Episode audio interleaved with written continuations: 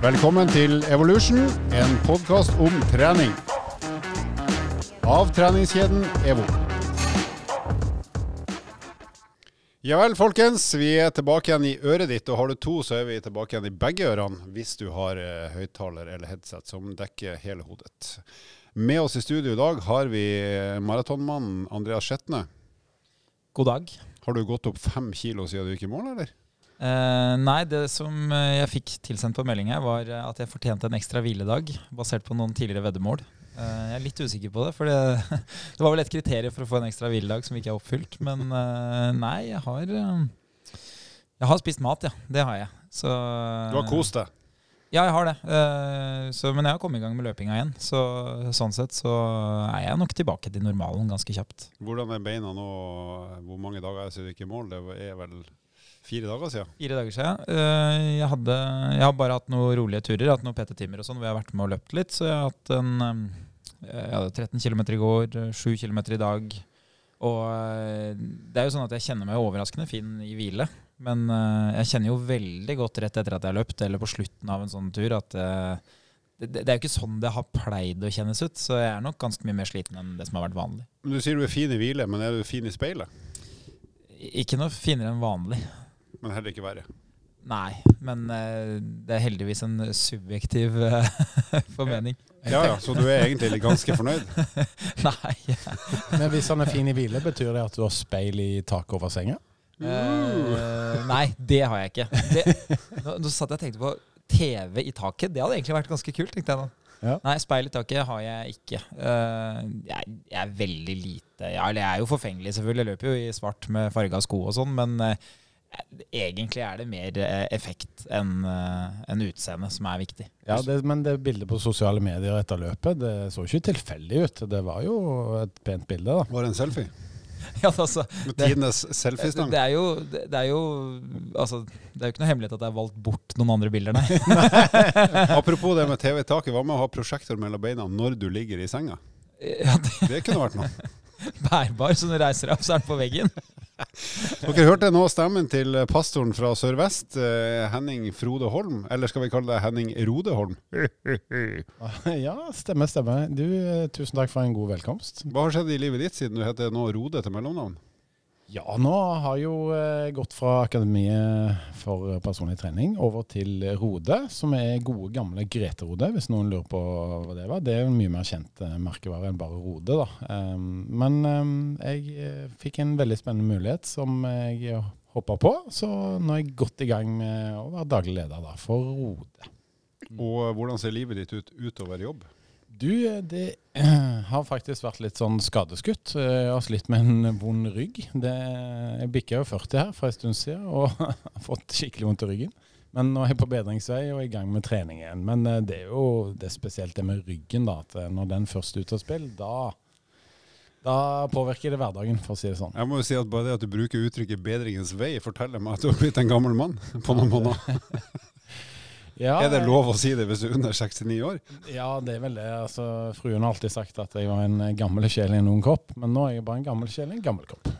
Det er vel selve, selve definisjonen på at man begynner å bli eldre. Det er vel når man begynner å få vondt uten at man vet hva som gjør at man får vondt. Når det er hverdagen som har tynga på deg vondt i ryggen, da Vet du hva, jeg tror jeg har funnet ut at når jeg spilte Dette er pinlig, altså, men nå skal jeg by på meg sjøl. Jeg spilte bowling med ungene. Hadde jeg litt for tung bowlingkule. eh, som jeg dreiv på med i liksom tre runder med bowling. Jeg tror faktisk det kommer derfra. Bowling med barna, bowling med barn det er enda kjedeligere enn babysvømming som voksen. Det er så kjedelig. Etter tre kast når alle skjønner at dette blir en drittrunde, og så skal du holde på i tre runder til. Ikke Ja. si at det er gøy, for det er det ikke. Da må det ha vært drita Det var litt morsomt, for at sønnen min eh, leda hele runden, trodde han kom til å vinne. Og så kom dattera mi i siste sving og bare kjørte inn tre strikes. Ansiktet hans, det var priceless. Jeg syns bowling er kjedelig i første kastet og i siste kastet. Eh, og så er jo da og min bowlingrekord 100, så det sier jo litt om Det betyr at ganske mange kast skal da ha kule i renna. Ja, da treffer du pissrenna i minst 50% Det stemmer, det.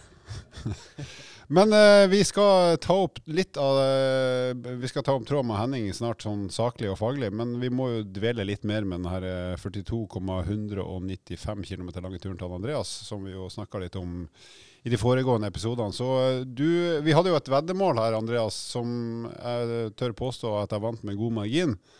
Jeg tippa sluttid på 2,53 og noe smått, og du tippa sluttid på 2,54 og noe smått. Eh, og sluttida, hva ble den, Andreas? Du, den blei eh, i din favør. Det, det er jo litt sånn Heldigvis, da. vondt å løpe der og vite at uh, dette kommer til å være bra for meg uh, prestasjonsmessig, og så kommer jeg til å ryke på en smell her på bettingen. Nei, den blei 2.48,43 ble det. Det er jo ikke så verst. Nei, jeg er godt fornøyd, jeg. Eh, det som jeg også sa på forhånd, var jo at eh, hvis man gjør det veldig bra i Oslo, så er jo den første tingen som melder seg, er jo hvor bra kunne dette vært et annet sted? Og det gjorde det jo selvfølgelig. Men uh, alt i alt en veldig god opplevelse. Og jeg traff jo på de tingene som, som, egentlig var viktig. Og det er jo at du da klarer å styre intensiteten. For det som er spesielt i Oslo, er jo at det er veldig mange oppoverbakker. Og siden start og mål er samme sted, så er det jo da veldig mange nedoverbakker også. Og det gjør at Like mange? Like mange, faktisk. De ser litt annerledes ut, for du løper ikke akkurat samme løypa, men, men de er ikke veldig langt unna. Uh, og det gjør at du må ha kontroll på noe mer enn det som er vanlig på et maraton. Så uh, til de som jeg kjenner godt, uh, som jeg trener og som skal løpe langt, så pleier jeg å si at det er to ting du må ha orden på på en maraton. Du må tåle å løpe langt nok, og du må jobbe med kondisjonen sånn at du vet hvilken fart som du kan holde når du skal løpe langt nok. Så Det er de to faktorene som en maraton bygger på. De fleste de ryker da på punkt én de har ikke løpt langt nok. Så selv om de egentlig har kapasitet til å holde riktig fart Kan bare spørre, Møtte du noen av de i løypa som hadde starta for hardt? Ja. Eh, og, det som er veldig spektakulært, det er at du trenger ikke å vente til du passerer tre mil for å møte de. De fins allerede på kilometer nummer seks, sju, åtte, ni, ti. Og da er det fryktelig langt igjen. Da er det nesten sånn at du har sprekt så tidlig at du får en second chance. Jeg må jo bare si den digresjonen om den historien fra min terrengsykling i Birken-historie. det at jeg To år på rad traff samme fyr eh, opp den der første til Kvarstad. ikke? Etter sju kilometer sto han begge, begge årene sto han på samme, samme, sted og hadde gitt opp og besto røyka for han hadde starta for hardt i år òg. På grusen opp til Skramstad. Der, ja, ja, ja, Skramstad, ja. Stemmer. Der røyker mange, en dårlig syklist. Nei, så, så, det som er spesielt i Oslo, da, eh, og som egentlig er da det som man ser over på Birken, da, for så vidt, det er jo at du må ha kontroll på lengde, du må ha kontroll på fart. Men i tillegg så må du ha god intensitetsstyring, så du vet hvilken fart du kan holde oppover, som er vanskeligere enn flatt. For du kan ikke bare sette på klokka og be den pipe, fordi da ender du med å løpe altfor fort oppover og for sakte nedover. Og så kommer den siste, og den siste tingen, det er det som ofte skiller i um, favør da de gode løperne. Fordi det, det, er ikke alltid det skjer lenger bak i feltet, for der blir det så, så tøft uansett. Men det er nedoverbakkene. Og det de fleste ikke forstår da, det er at når du skal løpe fort nedover, så ender du kanskje opp med å løpe fortere enn det du har gjort på korte intervaller på trening. Så det blir det raskeste du har løpt. Kroppsvekta blir jo da relativt sett ganske vanskelig å håndtere, fordi du har jo et fall sant, nedover, så det koster deg mer å ta imot kroppsvekta di som gjør at det er forsida av låra som får seg en skikkelig trøkk. Så bremsinga eh, blir tøff for muskulaturen? Ja, ikke sant. Så da får du to valg. Enten så må du holde igjen, eller så må du bare la det stå til. Og tidsmessig så må du jo la det stå til. Så de som lykkes her, er jo de som har uh, truffet bra på intensiteten, som tåler å løpe fort nedover, men som må ha trent for det. Uh, og det er jo da de øktene som jeg hadde hjemmefra til jobb, som, som for de fleste virker veldig rart, å løpe intervaller ned mot byen. Altså, det, det, vi anbefaler jo folk å løpe i motbakke for å få høy puls. Men det er jo da spesifikt for å tåle den utforkjøringa, da. Du har forberedt deg, du, rett og slett? Ja, og de som da var med her, eh, hadde jo et søskenbarn som var eh, sekundant, og fattern var med. og og de var jo litt overraska mm, sammen med en kompis som har løpt en god del. Og de var veldig overraska over uh, at jeg egentlig var ganske fin etterpå. Og det skyldes jo, som jeg da har forklart til flere senere, at differansen mellom trening og konkurranse er ikke så stor den gangen her. Mens andre ganger hvor jeg knapt har gått på ski for eksempel, før Birken, så ble jeg jo liggende inne i Håkonshall i flere timer etterpå. Så når du har truffet bra på treninga, truffet bra på forberedelsene, så blir ofte selve konkurransen hard, men du blir ikke så ramma etterpå. Da. Men eh, når du styrer fart eller eh, innsatsen din, hva er det du går etter? Er det puls, eller er det hastigheten, eller er det feelingen, eller eh, litt av hvert? Nei, hvis, hvis, jeg hadde hatt lite erfaring, så ville jeg vært veldig nøye på å bruke fart. Eh, og så er det litt vanskelig i motbakkene, så da ville jeg prøvd å følge med litt på puls i motbakkene. Mens for meg som har løpt uh, ganske mye, og som har løpt en del økter som faktisk minner om det her, så bruker jeg mye mer følelse. Uh, og så er det veldig fint sånn når du da løper på følelse. Du tenker ok, dette er hardt, men jeg har kontroll. Og så får du et svar fra klokka som sier at det her går fortere enn det du egentlig trodde. Så blir det en veldig positiv opplevelse, da. Så det vi møter her nå i den podkasten her, folkens, det er følelsesmennesket Andreas. Det har vi ikke hørt før. Nei, det, så, men eh, det er, ikke, det er ikke mer føleri enn at eh, det, det avstemmes ganske ofte med, med realistiske mål. Så, men eh, det som gjorde at det ble en veldig fin opplevelse, var jo at jeg starta ganske rolig, så jeg løp progressivt. Som egentlig ikke er en oppskrift på flat maraton. Fordi du vil aldri ta igjen det som du ga bort i, staten, i starten. Men på en kupert maraton så vet du ikke hva som er optimalt. Det er veldig vanskelig å regne seg fram til hva som ville vært potensielt veldig bra her. Så da når jeg starter med å løpe ett minutt roligere på første halvmaraton, og så da få lov å øke farta underveis Samtidig så er jo alle andre borte, så jeg løper jo helt aleine og tar igjen én og én. Det er ikke så mange løpere, så de som da står langs løypa hos meg, de kan fortelle hvilken plass jeg ligger på, så jeg vet at ok, der er startnummer Eller der er plass nummer 57, og foran der så skimter jeg plass nummer 56. Så blir jo det en kjempeopplevelse for meg, kontra de som eh, så på klokka at eh, her ligger jeg an til å løpe 2,40, og så smeller det, og så skjønner du at her er bare spørsmålet hvor mye jeg taper. Mm. Du Henning har jo også løpt langt, og om ikke fort, så er for langt. langt og langt. ja da, jeg har løpt eh, noen maraton. Jeg har vel løpt fire, faktisk. Eh, ikke så gode tider som Andreas. Eh, persen min er vel 3,29, så det er et godt stykke bak Andreas. Men eh, jeg er jo en desidert tyngre løper, for å si det sånn, så det er et resultat som jeg er brukbar fornøyd med. Fart per kilo kroppsvekt må jo være helt i verdensklasse? Ikke sant? ja, 3,29 er jo 12 km i timen, som mm. eh, for de aller aller fleste egentlig er en ganske god prestasjon. Én ting er å løpe 10 km på 50 minutter, men nå skal du gjøre det fire ganger på rad uten pause. Så det er jo Når du kommer deg inn på 3,29, så begynner det å bli ganske få andre. Altså Du er ganske høyt på resultatlista da, i prosent på 3,29. Ja, og så var det Oslo som, eh, som var den eh, maratonen der som jeg persa på. Men jeg har løpt Berlin nå, og det var en veldig fin opplevelse. Det anbefaler jeg for deg da, Andreas, som er så vass som du er, å ta en tur ned dit og, og teste den. altså det det som var så spesielt med Berlin, det er at det er jo folk i løypa gjennom alle, altså samtlige 42 km. Jeg må jo bare, jeg må bare si, i forhold til antrekk der Glem splitshorts, der skal du løpe i uniform. Det er, et, det er et må-krav. Men splitshortsen er vel tysk den òg, for å være helt ærlig? Jo da, men den, eh, tyskerne la ned den i 1989, når de begynte å rive mur. var det 89 eller var det 91? Var det 91 kanskje? Muren? Ja, 89. Ja, det var vel 89. Ja, jeg tror det var Sovjet Ja, røyk i, Sovjet røyk i 91. Ja. Ja. Apropos fart, da. Så det blei jo en målsetning underveis som er veldig vanskelig å kalkulere. Men uh, når du hvis du løper på 2,48, så er det jo fryktelig nærme å bryte det som er liksom den fire minutter på kilometergrensa, altså 15 km i timen. Og underveis da, så kan du jo stemme av ganske greit, for du kan stemme av på 15 km.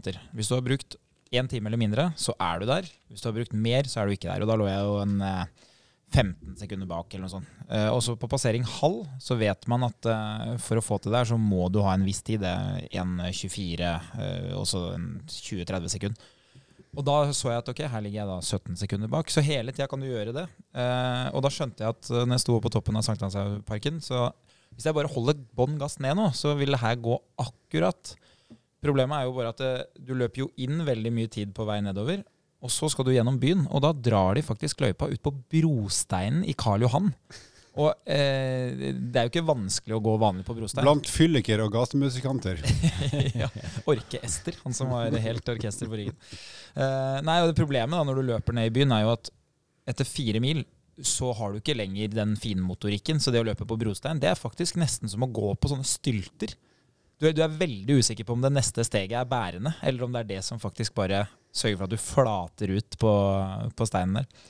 Men da går du litt oppover og på baksida av Stortinget, så skjønte jeg at her står det jo om sekunder. Og det er ikke det du har veldig lyst til. Eh, det er jo gjerne bedre å konkurrere med en annen løper enn å konkurrere med klokka. Så Men sier du nå egentlig at uh, Oslo Maraton er en del av brosteinsklassikerne? Ja. Bra, Rode Holm! En av Ardener-klassikerne. Jeg tror vi må, Nå må vi slutte å snakke maraton, så må vi komme oss over til temaet. For denne overgangen til han Henning her var såpass høyt nivå på at vi må utnytte den.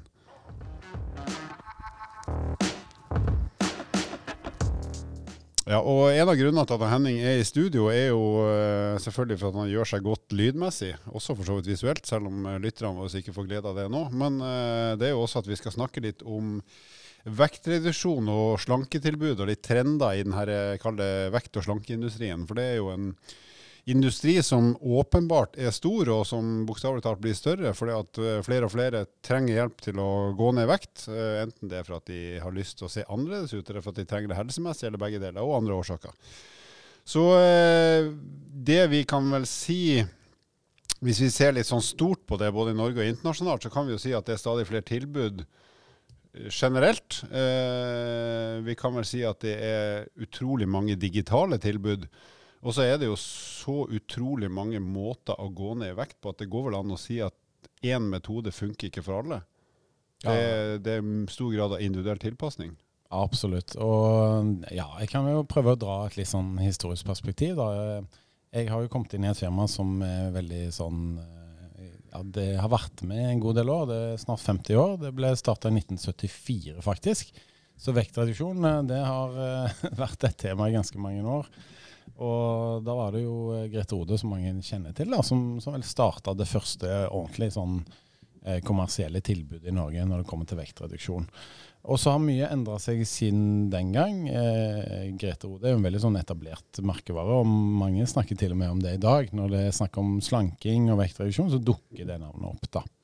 Um, og det er vel eh, kanskje ikke så mange av de unge som husker den merkevaren, selvfølgelig, men, men, de som er fra 40 og opp til 70, de, de har en kjennskap til det. Og eh, siden den gangen hvor det liksom var mer sånn kursvirksomhet, så har jo det tilbudet endra seg veldig med digitaliseringen. Så det som vi ser i dag, er at det finnes Um, veldig sånn delt uh, bilde på det. Det ene er alle de som har kun et uh, digitalt tilbud, sånn som VG Vektklubb har nok de fleste hørt om.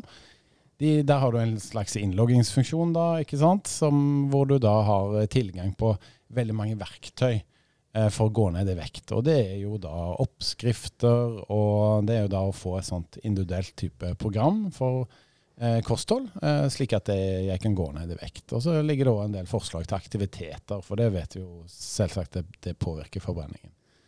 Eh, I senere tid så har det jo kommet veldig mange apper på markedet. da.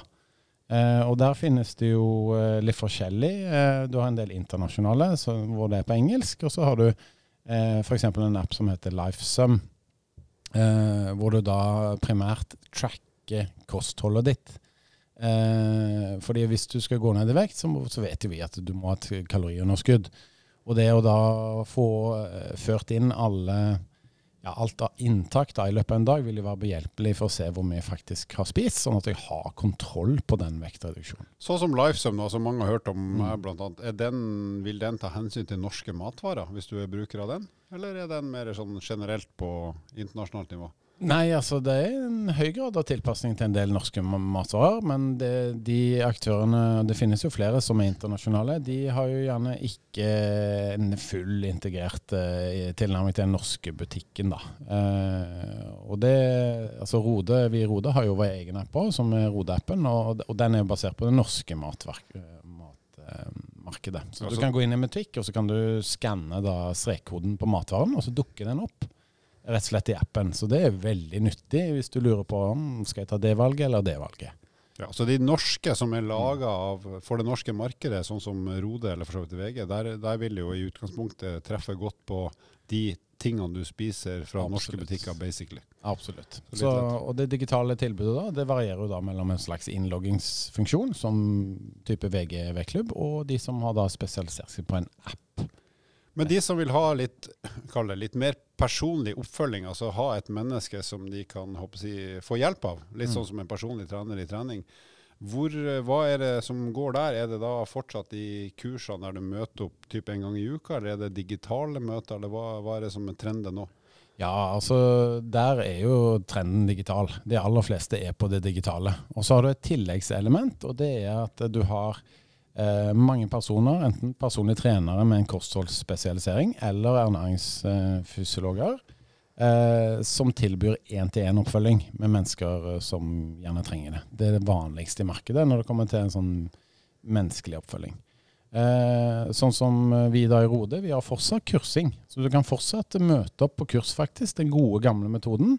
Eh, og være en del av, av en gruppe da, eh, for å, å, gå ned i vekt. Og det, det syns jo veldig mange er nyttig, da, og at man møter likesinnede et sted. Så vi ønsker veldig gjerne å både være gode digitalt, men òg ivareta det menneskelige. For vi har tro på at ja, det menneskelige møtet det er liksom det beste eh, hvis du skal klare å gå ned i vekt. Der de har måttet liksom møte noen, fortelle åssen det går, og ha en litt sånn eh, frivillig rapporteringsplikt, da. Det, det, vil være nyttig for å gå ned i vekt. Det er vel litt av de samme mekanismene vi ser i forhold til trening, å ha et menneske som du på en måte har committa deg til, men som du også skjønner at bryr seg. Så ja, du betaler for en tjeneste, men du får jo en relasjon som gjør at eh, det mennesket du forholder deg til, eh, bryr seg om at det skal gå deg vel. da. Mm. Det er jo to, to, sider av det med, med, vektreduksjon i forhold til det å, å, tilegne seg kunnskap eller få hjelp. Og det er jo ikke alle personlige trenere eller de som jobber med kosthold, som alltid forstår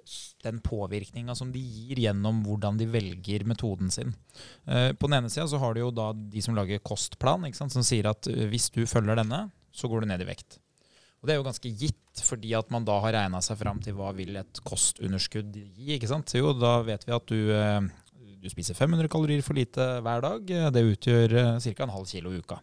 Så da er det ganske enkelt å si at uh, uavhengig av hvilken person du er, så kommer det her til å fungere. Og, det, det, er ikke veldig unikt. Uh, det er jo morsomt å diskutere med vanlige mennesker, for de vil gjerne uh, tro at kroppen er sånn at den er unik, men, men det er den ikke. Det som er unikt, er innstillinga til folk. Hva pleier du å spise? Hvordan pleier du å håndtere det her? Så Hvis man tar folk ut av livet og påfører de en fast oppskrift, så vil du få nesten samme resultatet. Men det, da har du på den ene sida de som da lager på en måte ferdigrigga kostplaner, og som sier at hvis du gjør dette, så kommer du til å gå ned i vekt. Mens på den andre sida så har du jo de som bruker en metode hvor man driver litt sånn eh, selvrapportering, hvor man må faktisk finne ut litt på egen hånd, som du beskriver òg, Henning. at man skanner matvarer. Eh, og det vil jo det vil gi et kunnskapsløft som igjen gir deg muligheten til å ta vare på den vekta du har skapt etterpå. Så en av de utfordringene vi ser både med trening og med kosthold, det er at hvis noen andre har ansvaret for at din kropp skal bli bra, så når den personen forsvinner, så har du egentlig ingen kunnskap til å ta vare på det resultatet som du har skapt. Kan vi si at du mangler verktøy i verktøykassa? Det gjør du. Og det er også en av grunnene til at uh, det på, på folkemunne og helt allmenn kjent har blitt sånn at uh, alle går jo bare opp igjen. Og Grunnen til at de går opp igjen, er jo fordi at man har gjort noe som overhodet ikke er bærekraftig, og som man kanskje har ganske lite kunnskap om. Og Det er også den samme grunnen til at veldig mange leger i forhold til det å skulle gjøre en type slankeoperasjon, krever at pasienten har en vektreduksjon på forhånd. For da vet man at du har kunnskapen nok til å kunne ta vare på resultatet etterpå. Mm. Så det, det, er, det, er, veldig sånn tosidig. Så, så, hvis man ønsker å, å, tilegne seg mer kunnskap om vektreduksjon, eller om du i dag jobber med det faktisk, med dine kunder, så vær bevisst det at på den ene sida kan du lære kunden din noe som gjør at man på sikt kan forvalte resultatet eller du kan skape resultatet. Men da blir jo kunden avhengig av deg, eller så vil de bare ikke kunne ha det resultatet for all fremtid. Apropos kunde, hvem er det som er en typisk kunde i uh, uansett vektreduksjonstilbud i forhold til det dere kjenner til i markedet? Ja, altså eh, Tradisjonelt sett så er det kvinner eh, pluss 40 eh, som er den eh, typiske kunden. Og det, nok, det, er nok mange grunner til det, men det vi ser er at eh, kvinner er mye flinkere til å liksom si at vet du hva, dette trenger hjelp til. Så nå kjøper jeg et produkt her som, som skal type, eller en tjeneste som skal hjelpe meg ned i vekt. Mens eh, gutta de tenker dette skal jeg klare sjøl. Så det er ganske likt som PT-verden da, på det punktet der. Eh, og så vet vi jo at eh, hvis du går bare 20 år tilbake i tid, så, så, var det mange færre som var overvektige enn det som er i dag. Så eh, det, det foreligger jo en del eh, tall som peker på at eh, opptil syv av ti nordmenn i dag regnes da som overvektige. Og det er et høyt tall, altså. Eh, så sånn sett så skulle man tro at man så en enorm vekst hos de som driver med vektreduksjon i det markedet. Men den veksten har vært sånn, den har vært der, men den har ikke vært enorm, altså. Så veksten i markedet står ikke i stil eh, til eh, antallet overvektige, for å si det sånn. Men gutta, er de i ferd med å komme litt på banen i forhold til å innse at de kan ha et behov for hjelp? Ser dere noen tall på det? Nei, foreløpig så ser vi vel ikke noen sånn stor økning på det. Vi har jo lansert noen sånn mannekurs, og vi ser jo at det kommer en del flere gutter enn det de gjorde før, men eh, ingen markant økning på temaet. Så det, det må vi ta tak i. Hva med alder og sånn, er det fortsatt kalle voksne folk som primært eh, ønsker hjelp, eller er Ja, det, det, litt, det vi eh, ser er klart skille på kurs og app. da. Så de som bruker kun de digitale verktøyene, de er yngre. Eh, Og de som da bruker kurs og liksom møter en til en nå, for det har vi òg, de, de er godt voksne og over 40, altså. Vi skal si noe sånn helt eh, generelt og på sviktende grunnlag sikkert, men de aller fleste som ønsker å gå ned i vekt, eller de aller fleste som ønsker noe som helst, f.eks. jeg som er god til å sykle, vi vil jo gjerne gjøre det enklest mulig og fortest mulig. ikke sant? Slippe billig unna hvis det går. Hva er liksom inntrykket i forhold til hva tror du at kundene, enten det er på VG eller Rode eller hvor som helst, eh, legger i ja, eh, tenker at er, er, Hva er egeninnsatsen? Hva er liksom forestillingen om hva, hva må jeg gjøre sjøl her? Hva skal til for å nå dit jeg har lyst? Er det realisme, eller er det sånn håp om at det skal skje store ting uten at man trenger å gjøre for mye sjøl? Litt som Andreas var inne på her. Nei, altså Det korte svaret på det er at de fleste ønsker jo en slags quick fix, og man vet ikke hvor mye det kreves av egeninnsats, eh, rett og slett. Og Derfor ser man jo at veldig mange ikke får det til. Og Det er jo derfor jeg vil si at det å ha et menneske å svare til, eh, og møte opp hvor du har andre som er en del av en gruppe, det er jo et sterkt eh, verktøy for å lykkes. Hvis det hadde vært enkelt, så hadde jo det digitale vært nok, tenker jeg sånn i utgangspunktet. Så mitt inntrykk er at de mest dedikerte, de som faktisk har bestemt seg, og har, som har både viljestyrke og motivasjon til å få det til, de klarer seg veldig fint med den appen, og klarer å, å skaffe seg eh, masse ny kunnskap, sånn at de skal klare dette selv. Og det er ofte tid da til å lage mat. Ordentlig god mat og riktig mat for å gå ned i vekt. ikke sant? Og gjerne mat som Eh, som er næringstett og ikke bare energitett, som, som typisk eh, godsaker som sjokolade og chips osv. Eh, mens eh, den gruppa som eh, gjerne ikke har så mye kunnskap, eh, og, og eh, som, som har skjønt at dette krever noe ekstra, de, de velger gjerne da å enten gå til en personlig trener, en ernæringsfysiolog, eller søke ja, et kurs, da, som f.eks. vi tilbyr. For det at det da når du får hjelp og drahjelp av en gruppe, og han blir kjent med andre der som har samme problemstilling, og en kunnskapsrik leder for den gruppa, da føler du at vet du hva, nå committer jeg meg til dette, og da får jeg det til. Så vi ser nok en mye høyere eh, suksessrate blant de som går på kurs og, og møter en veileder, da, enn de som ikke gjør det.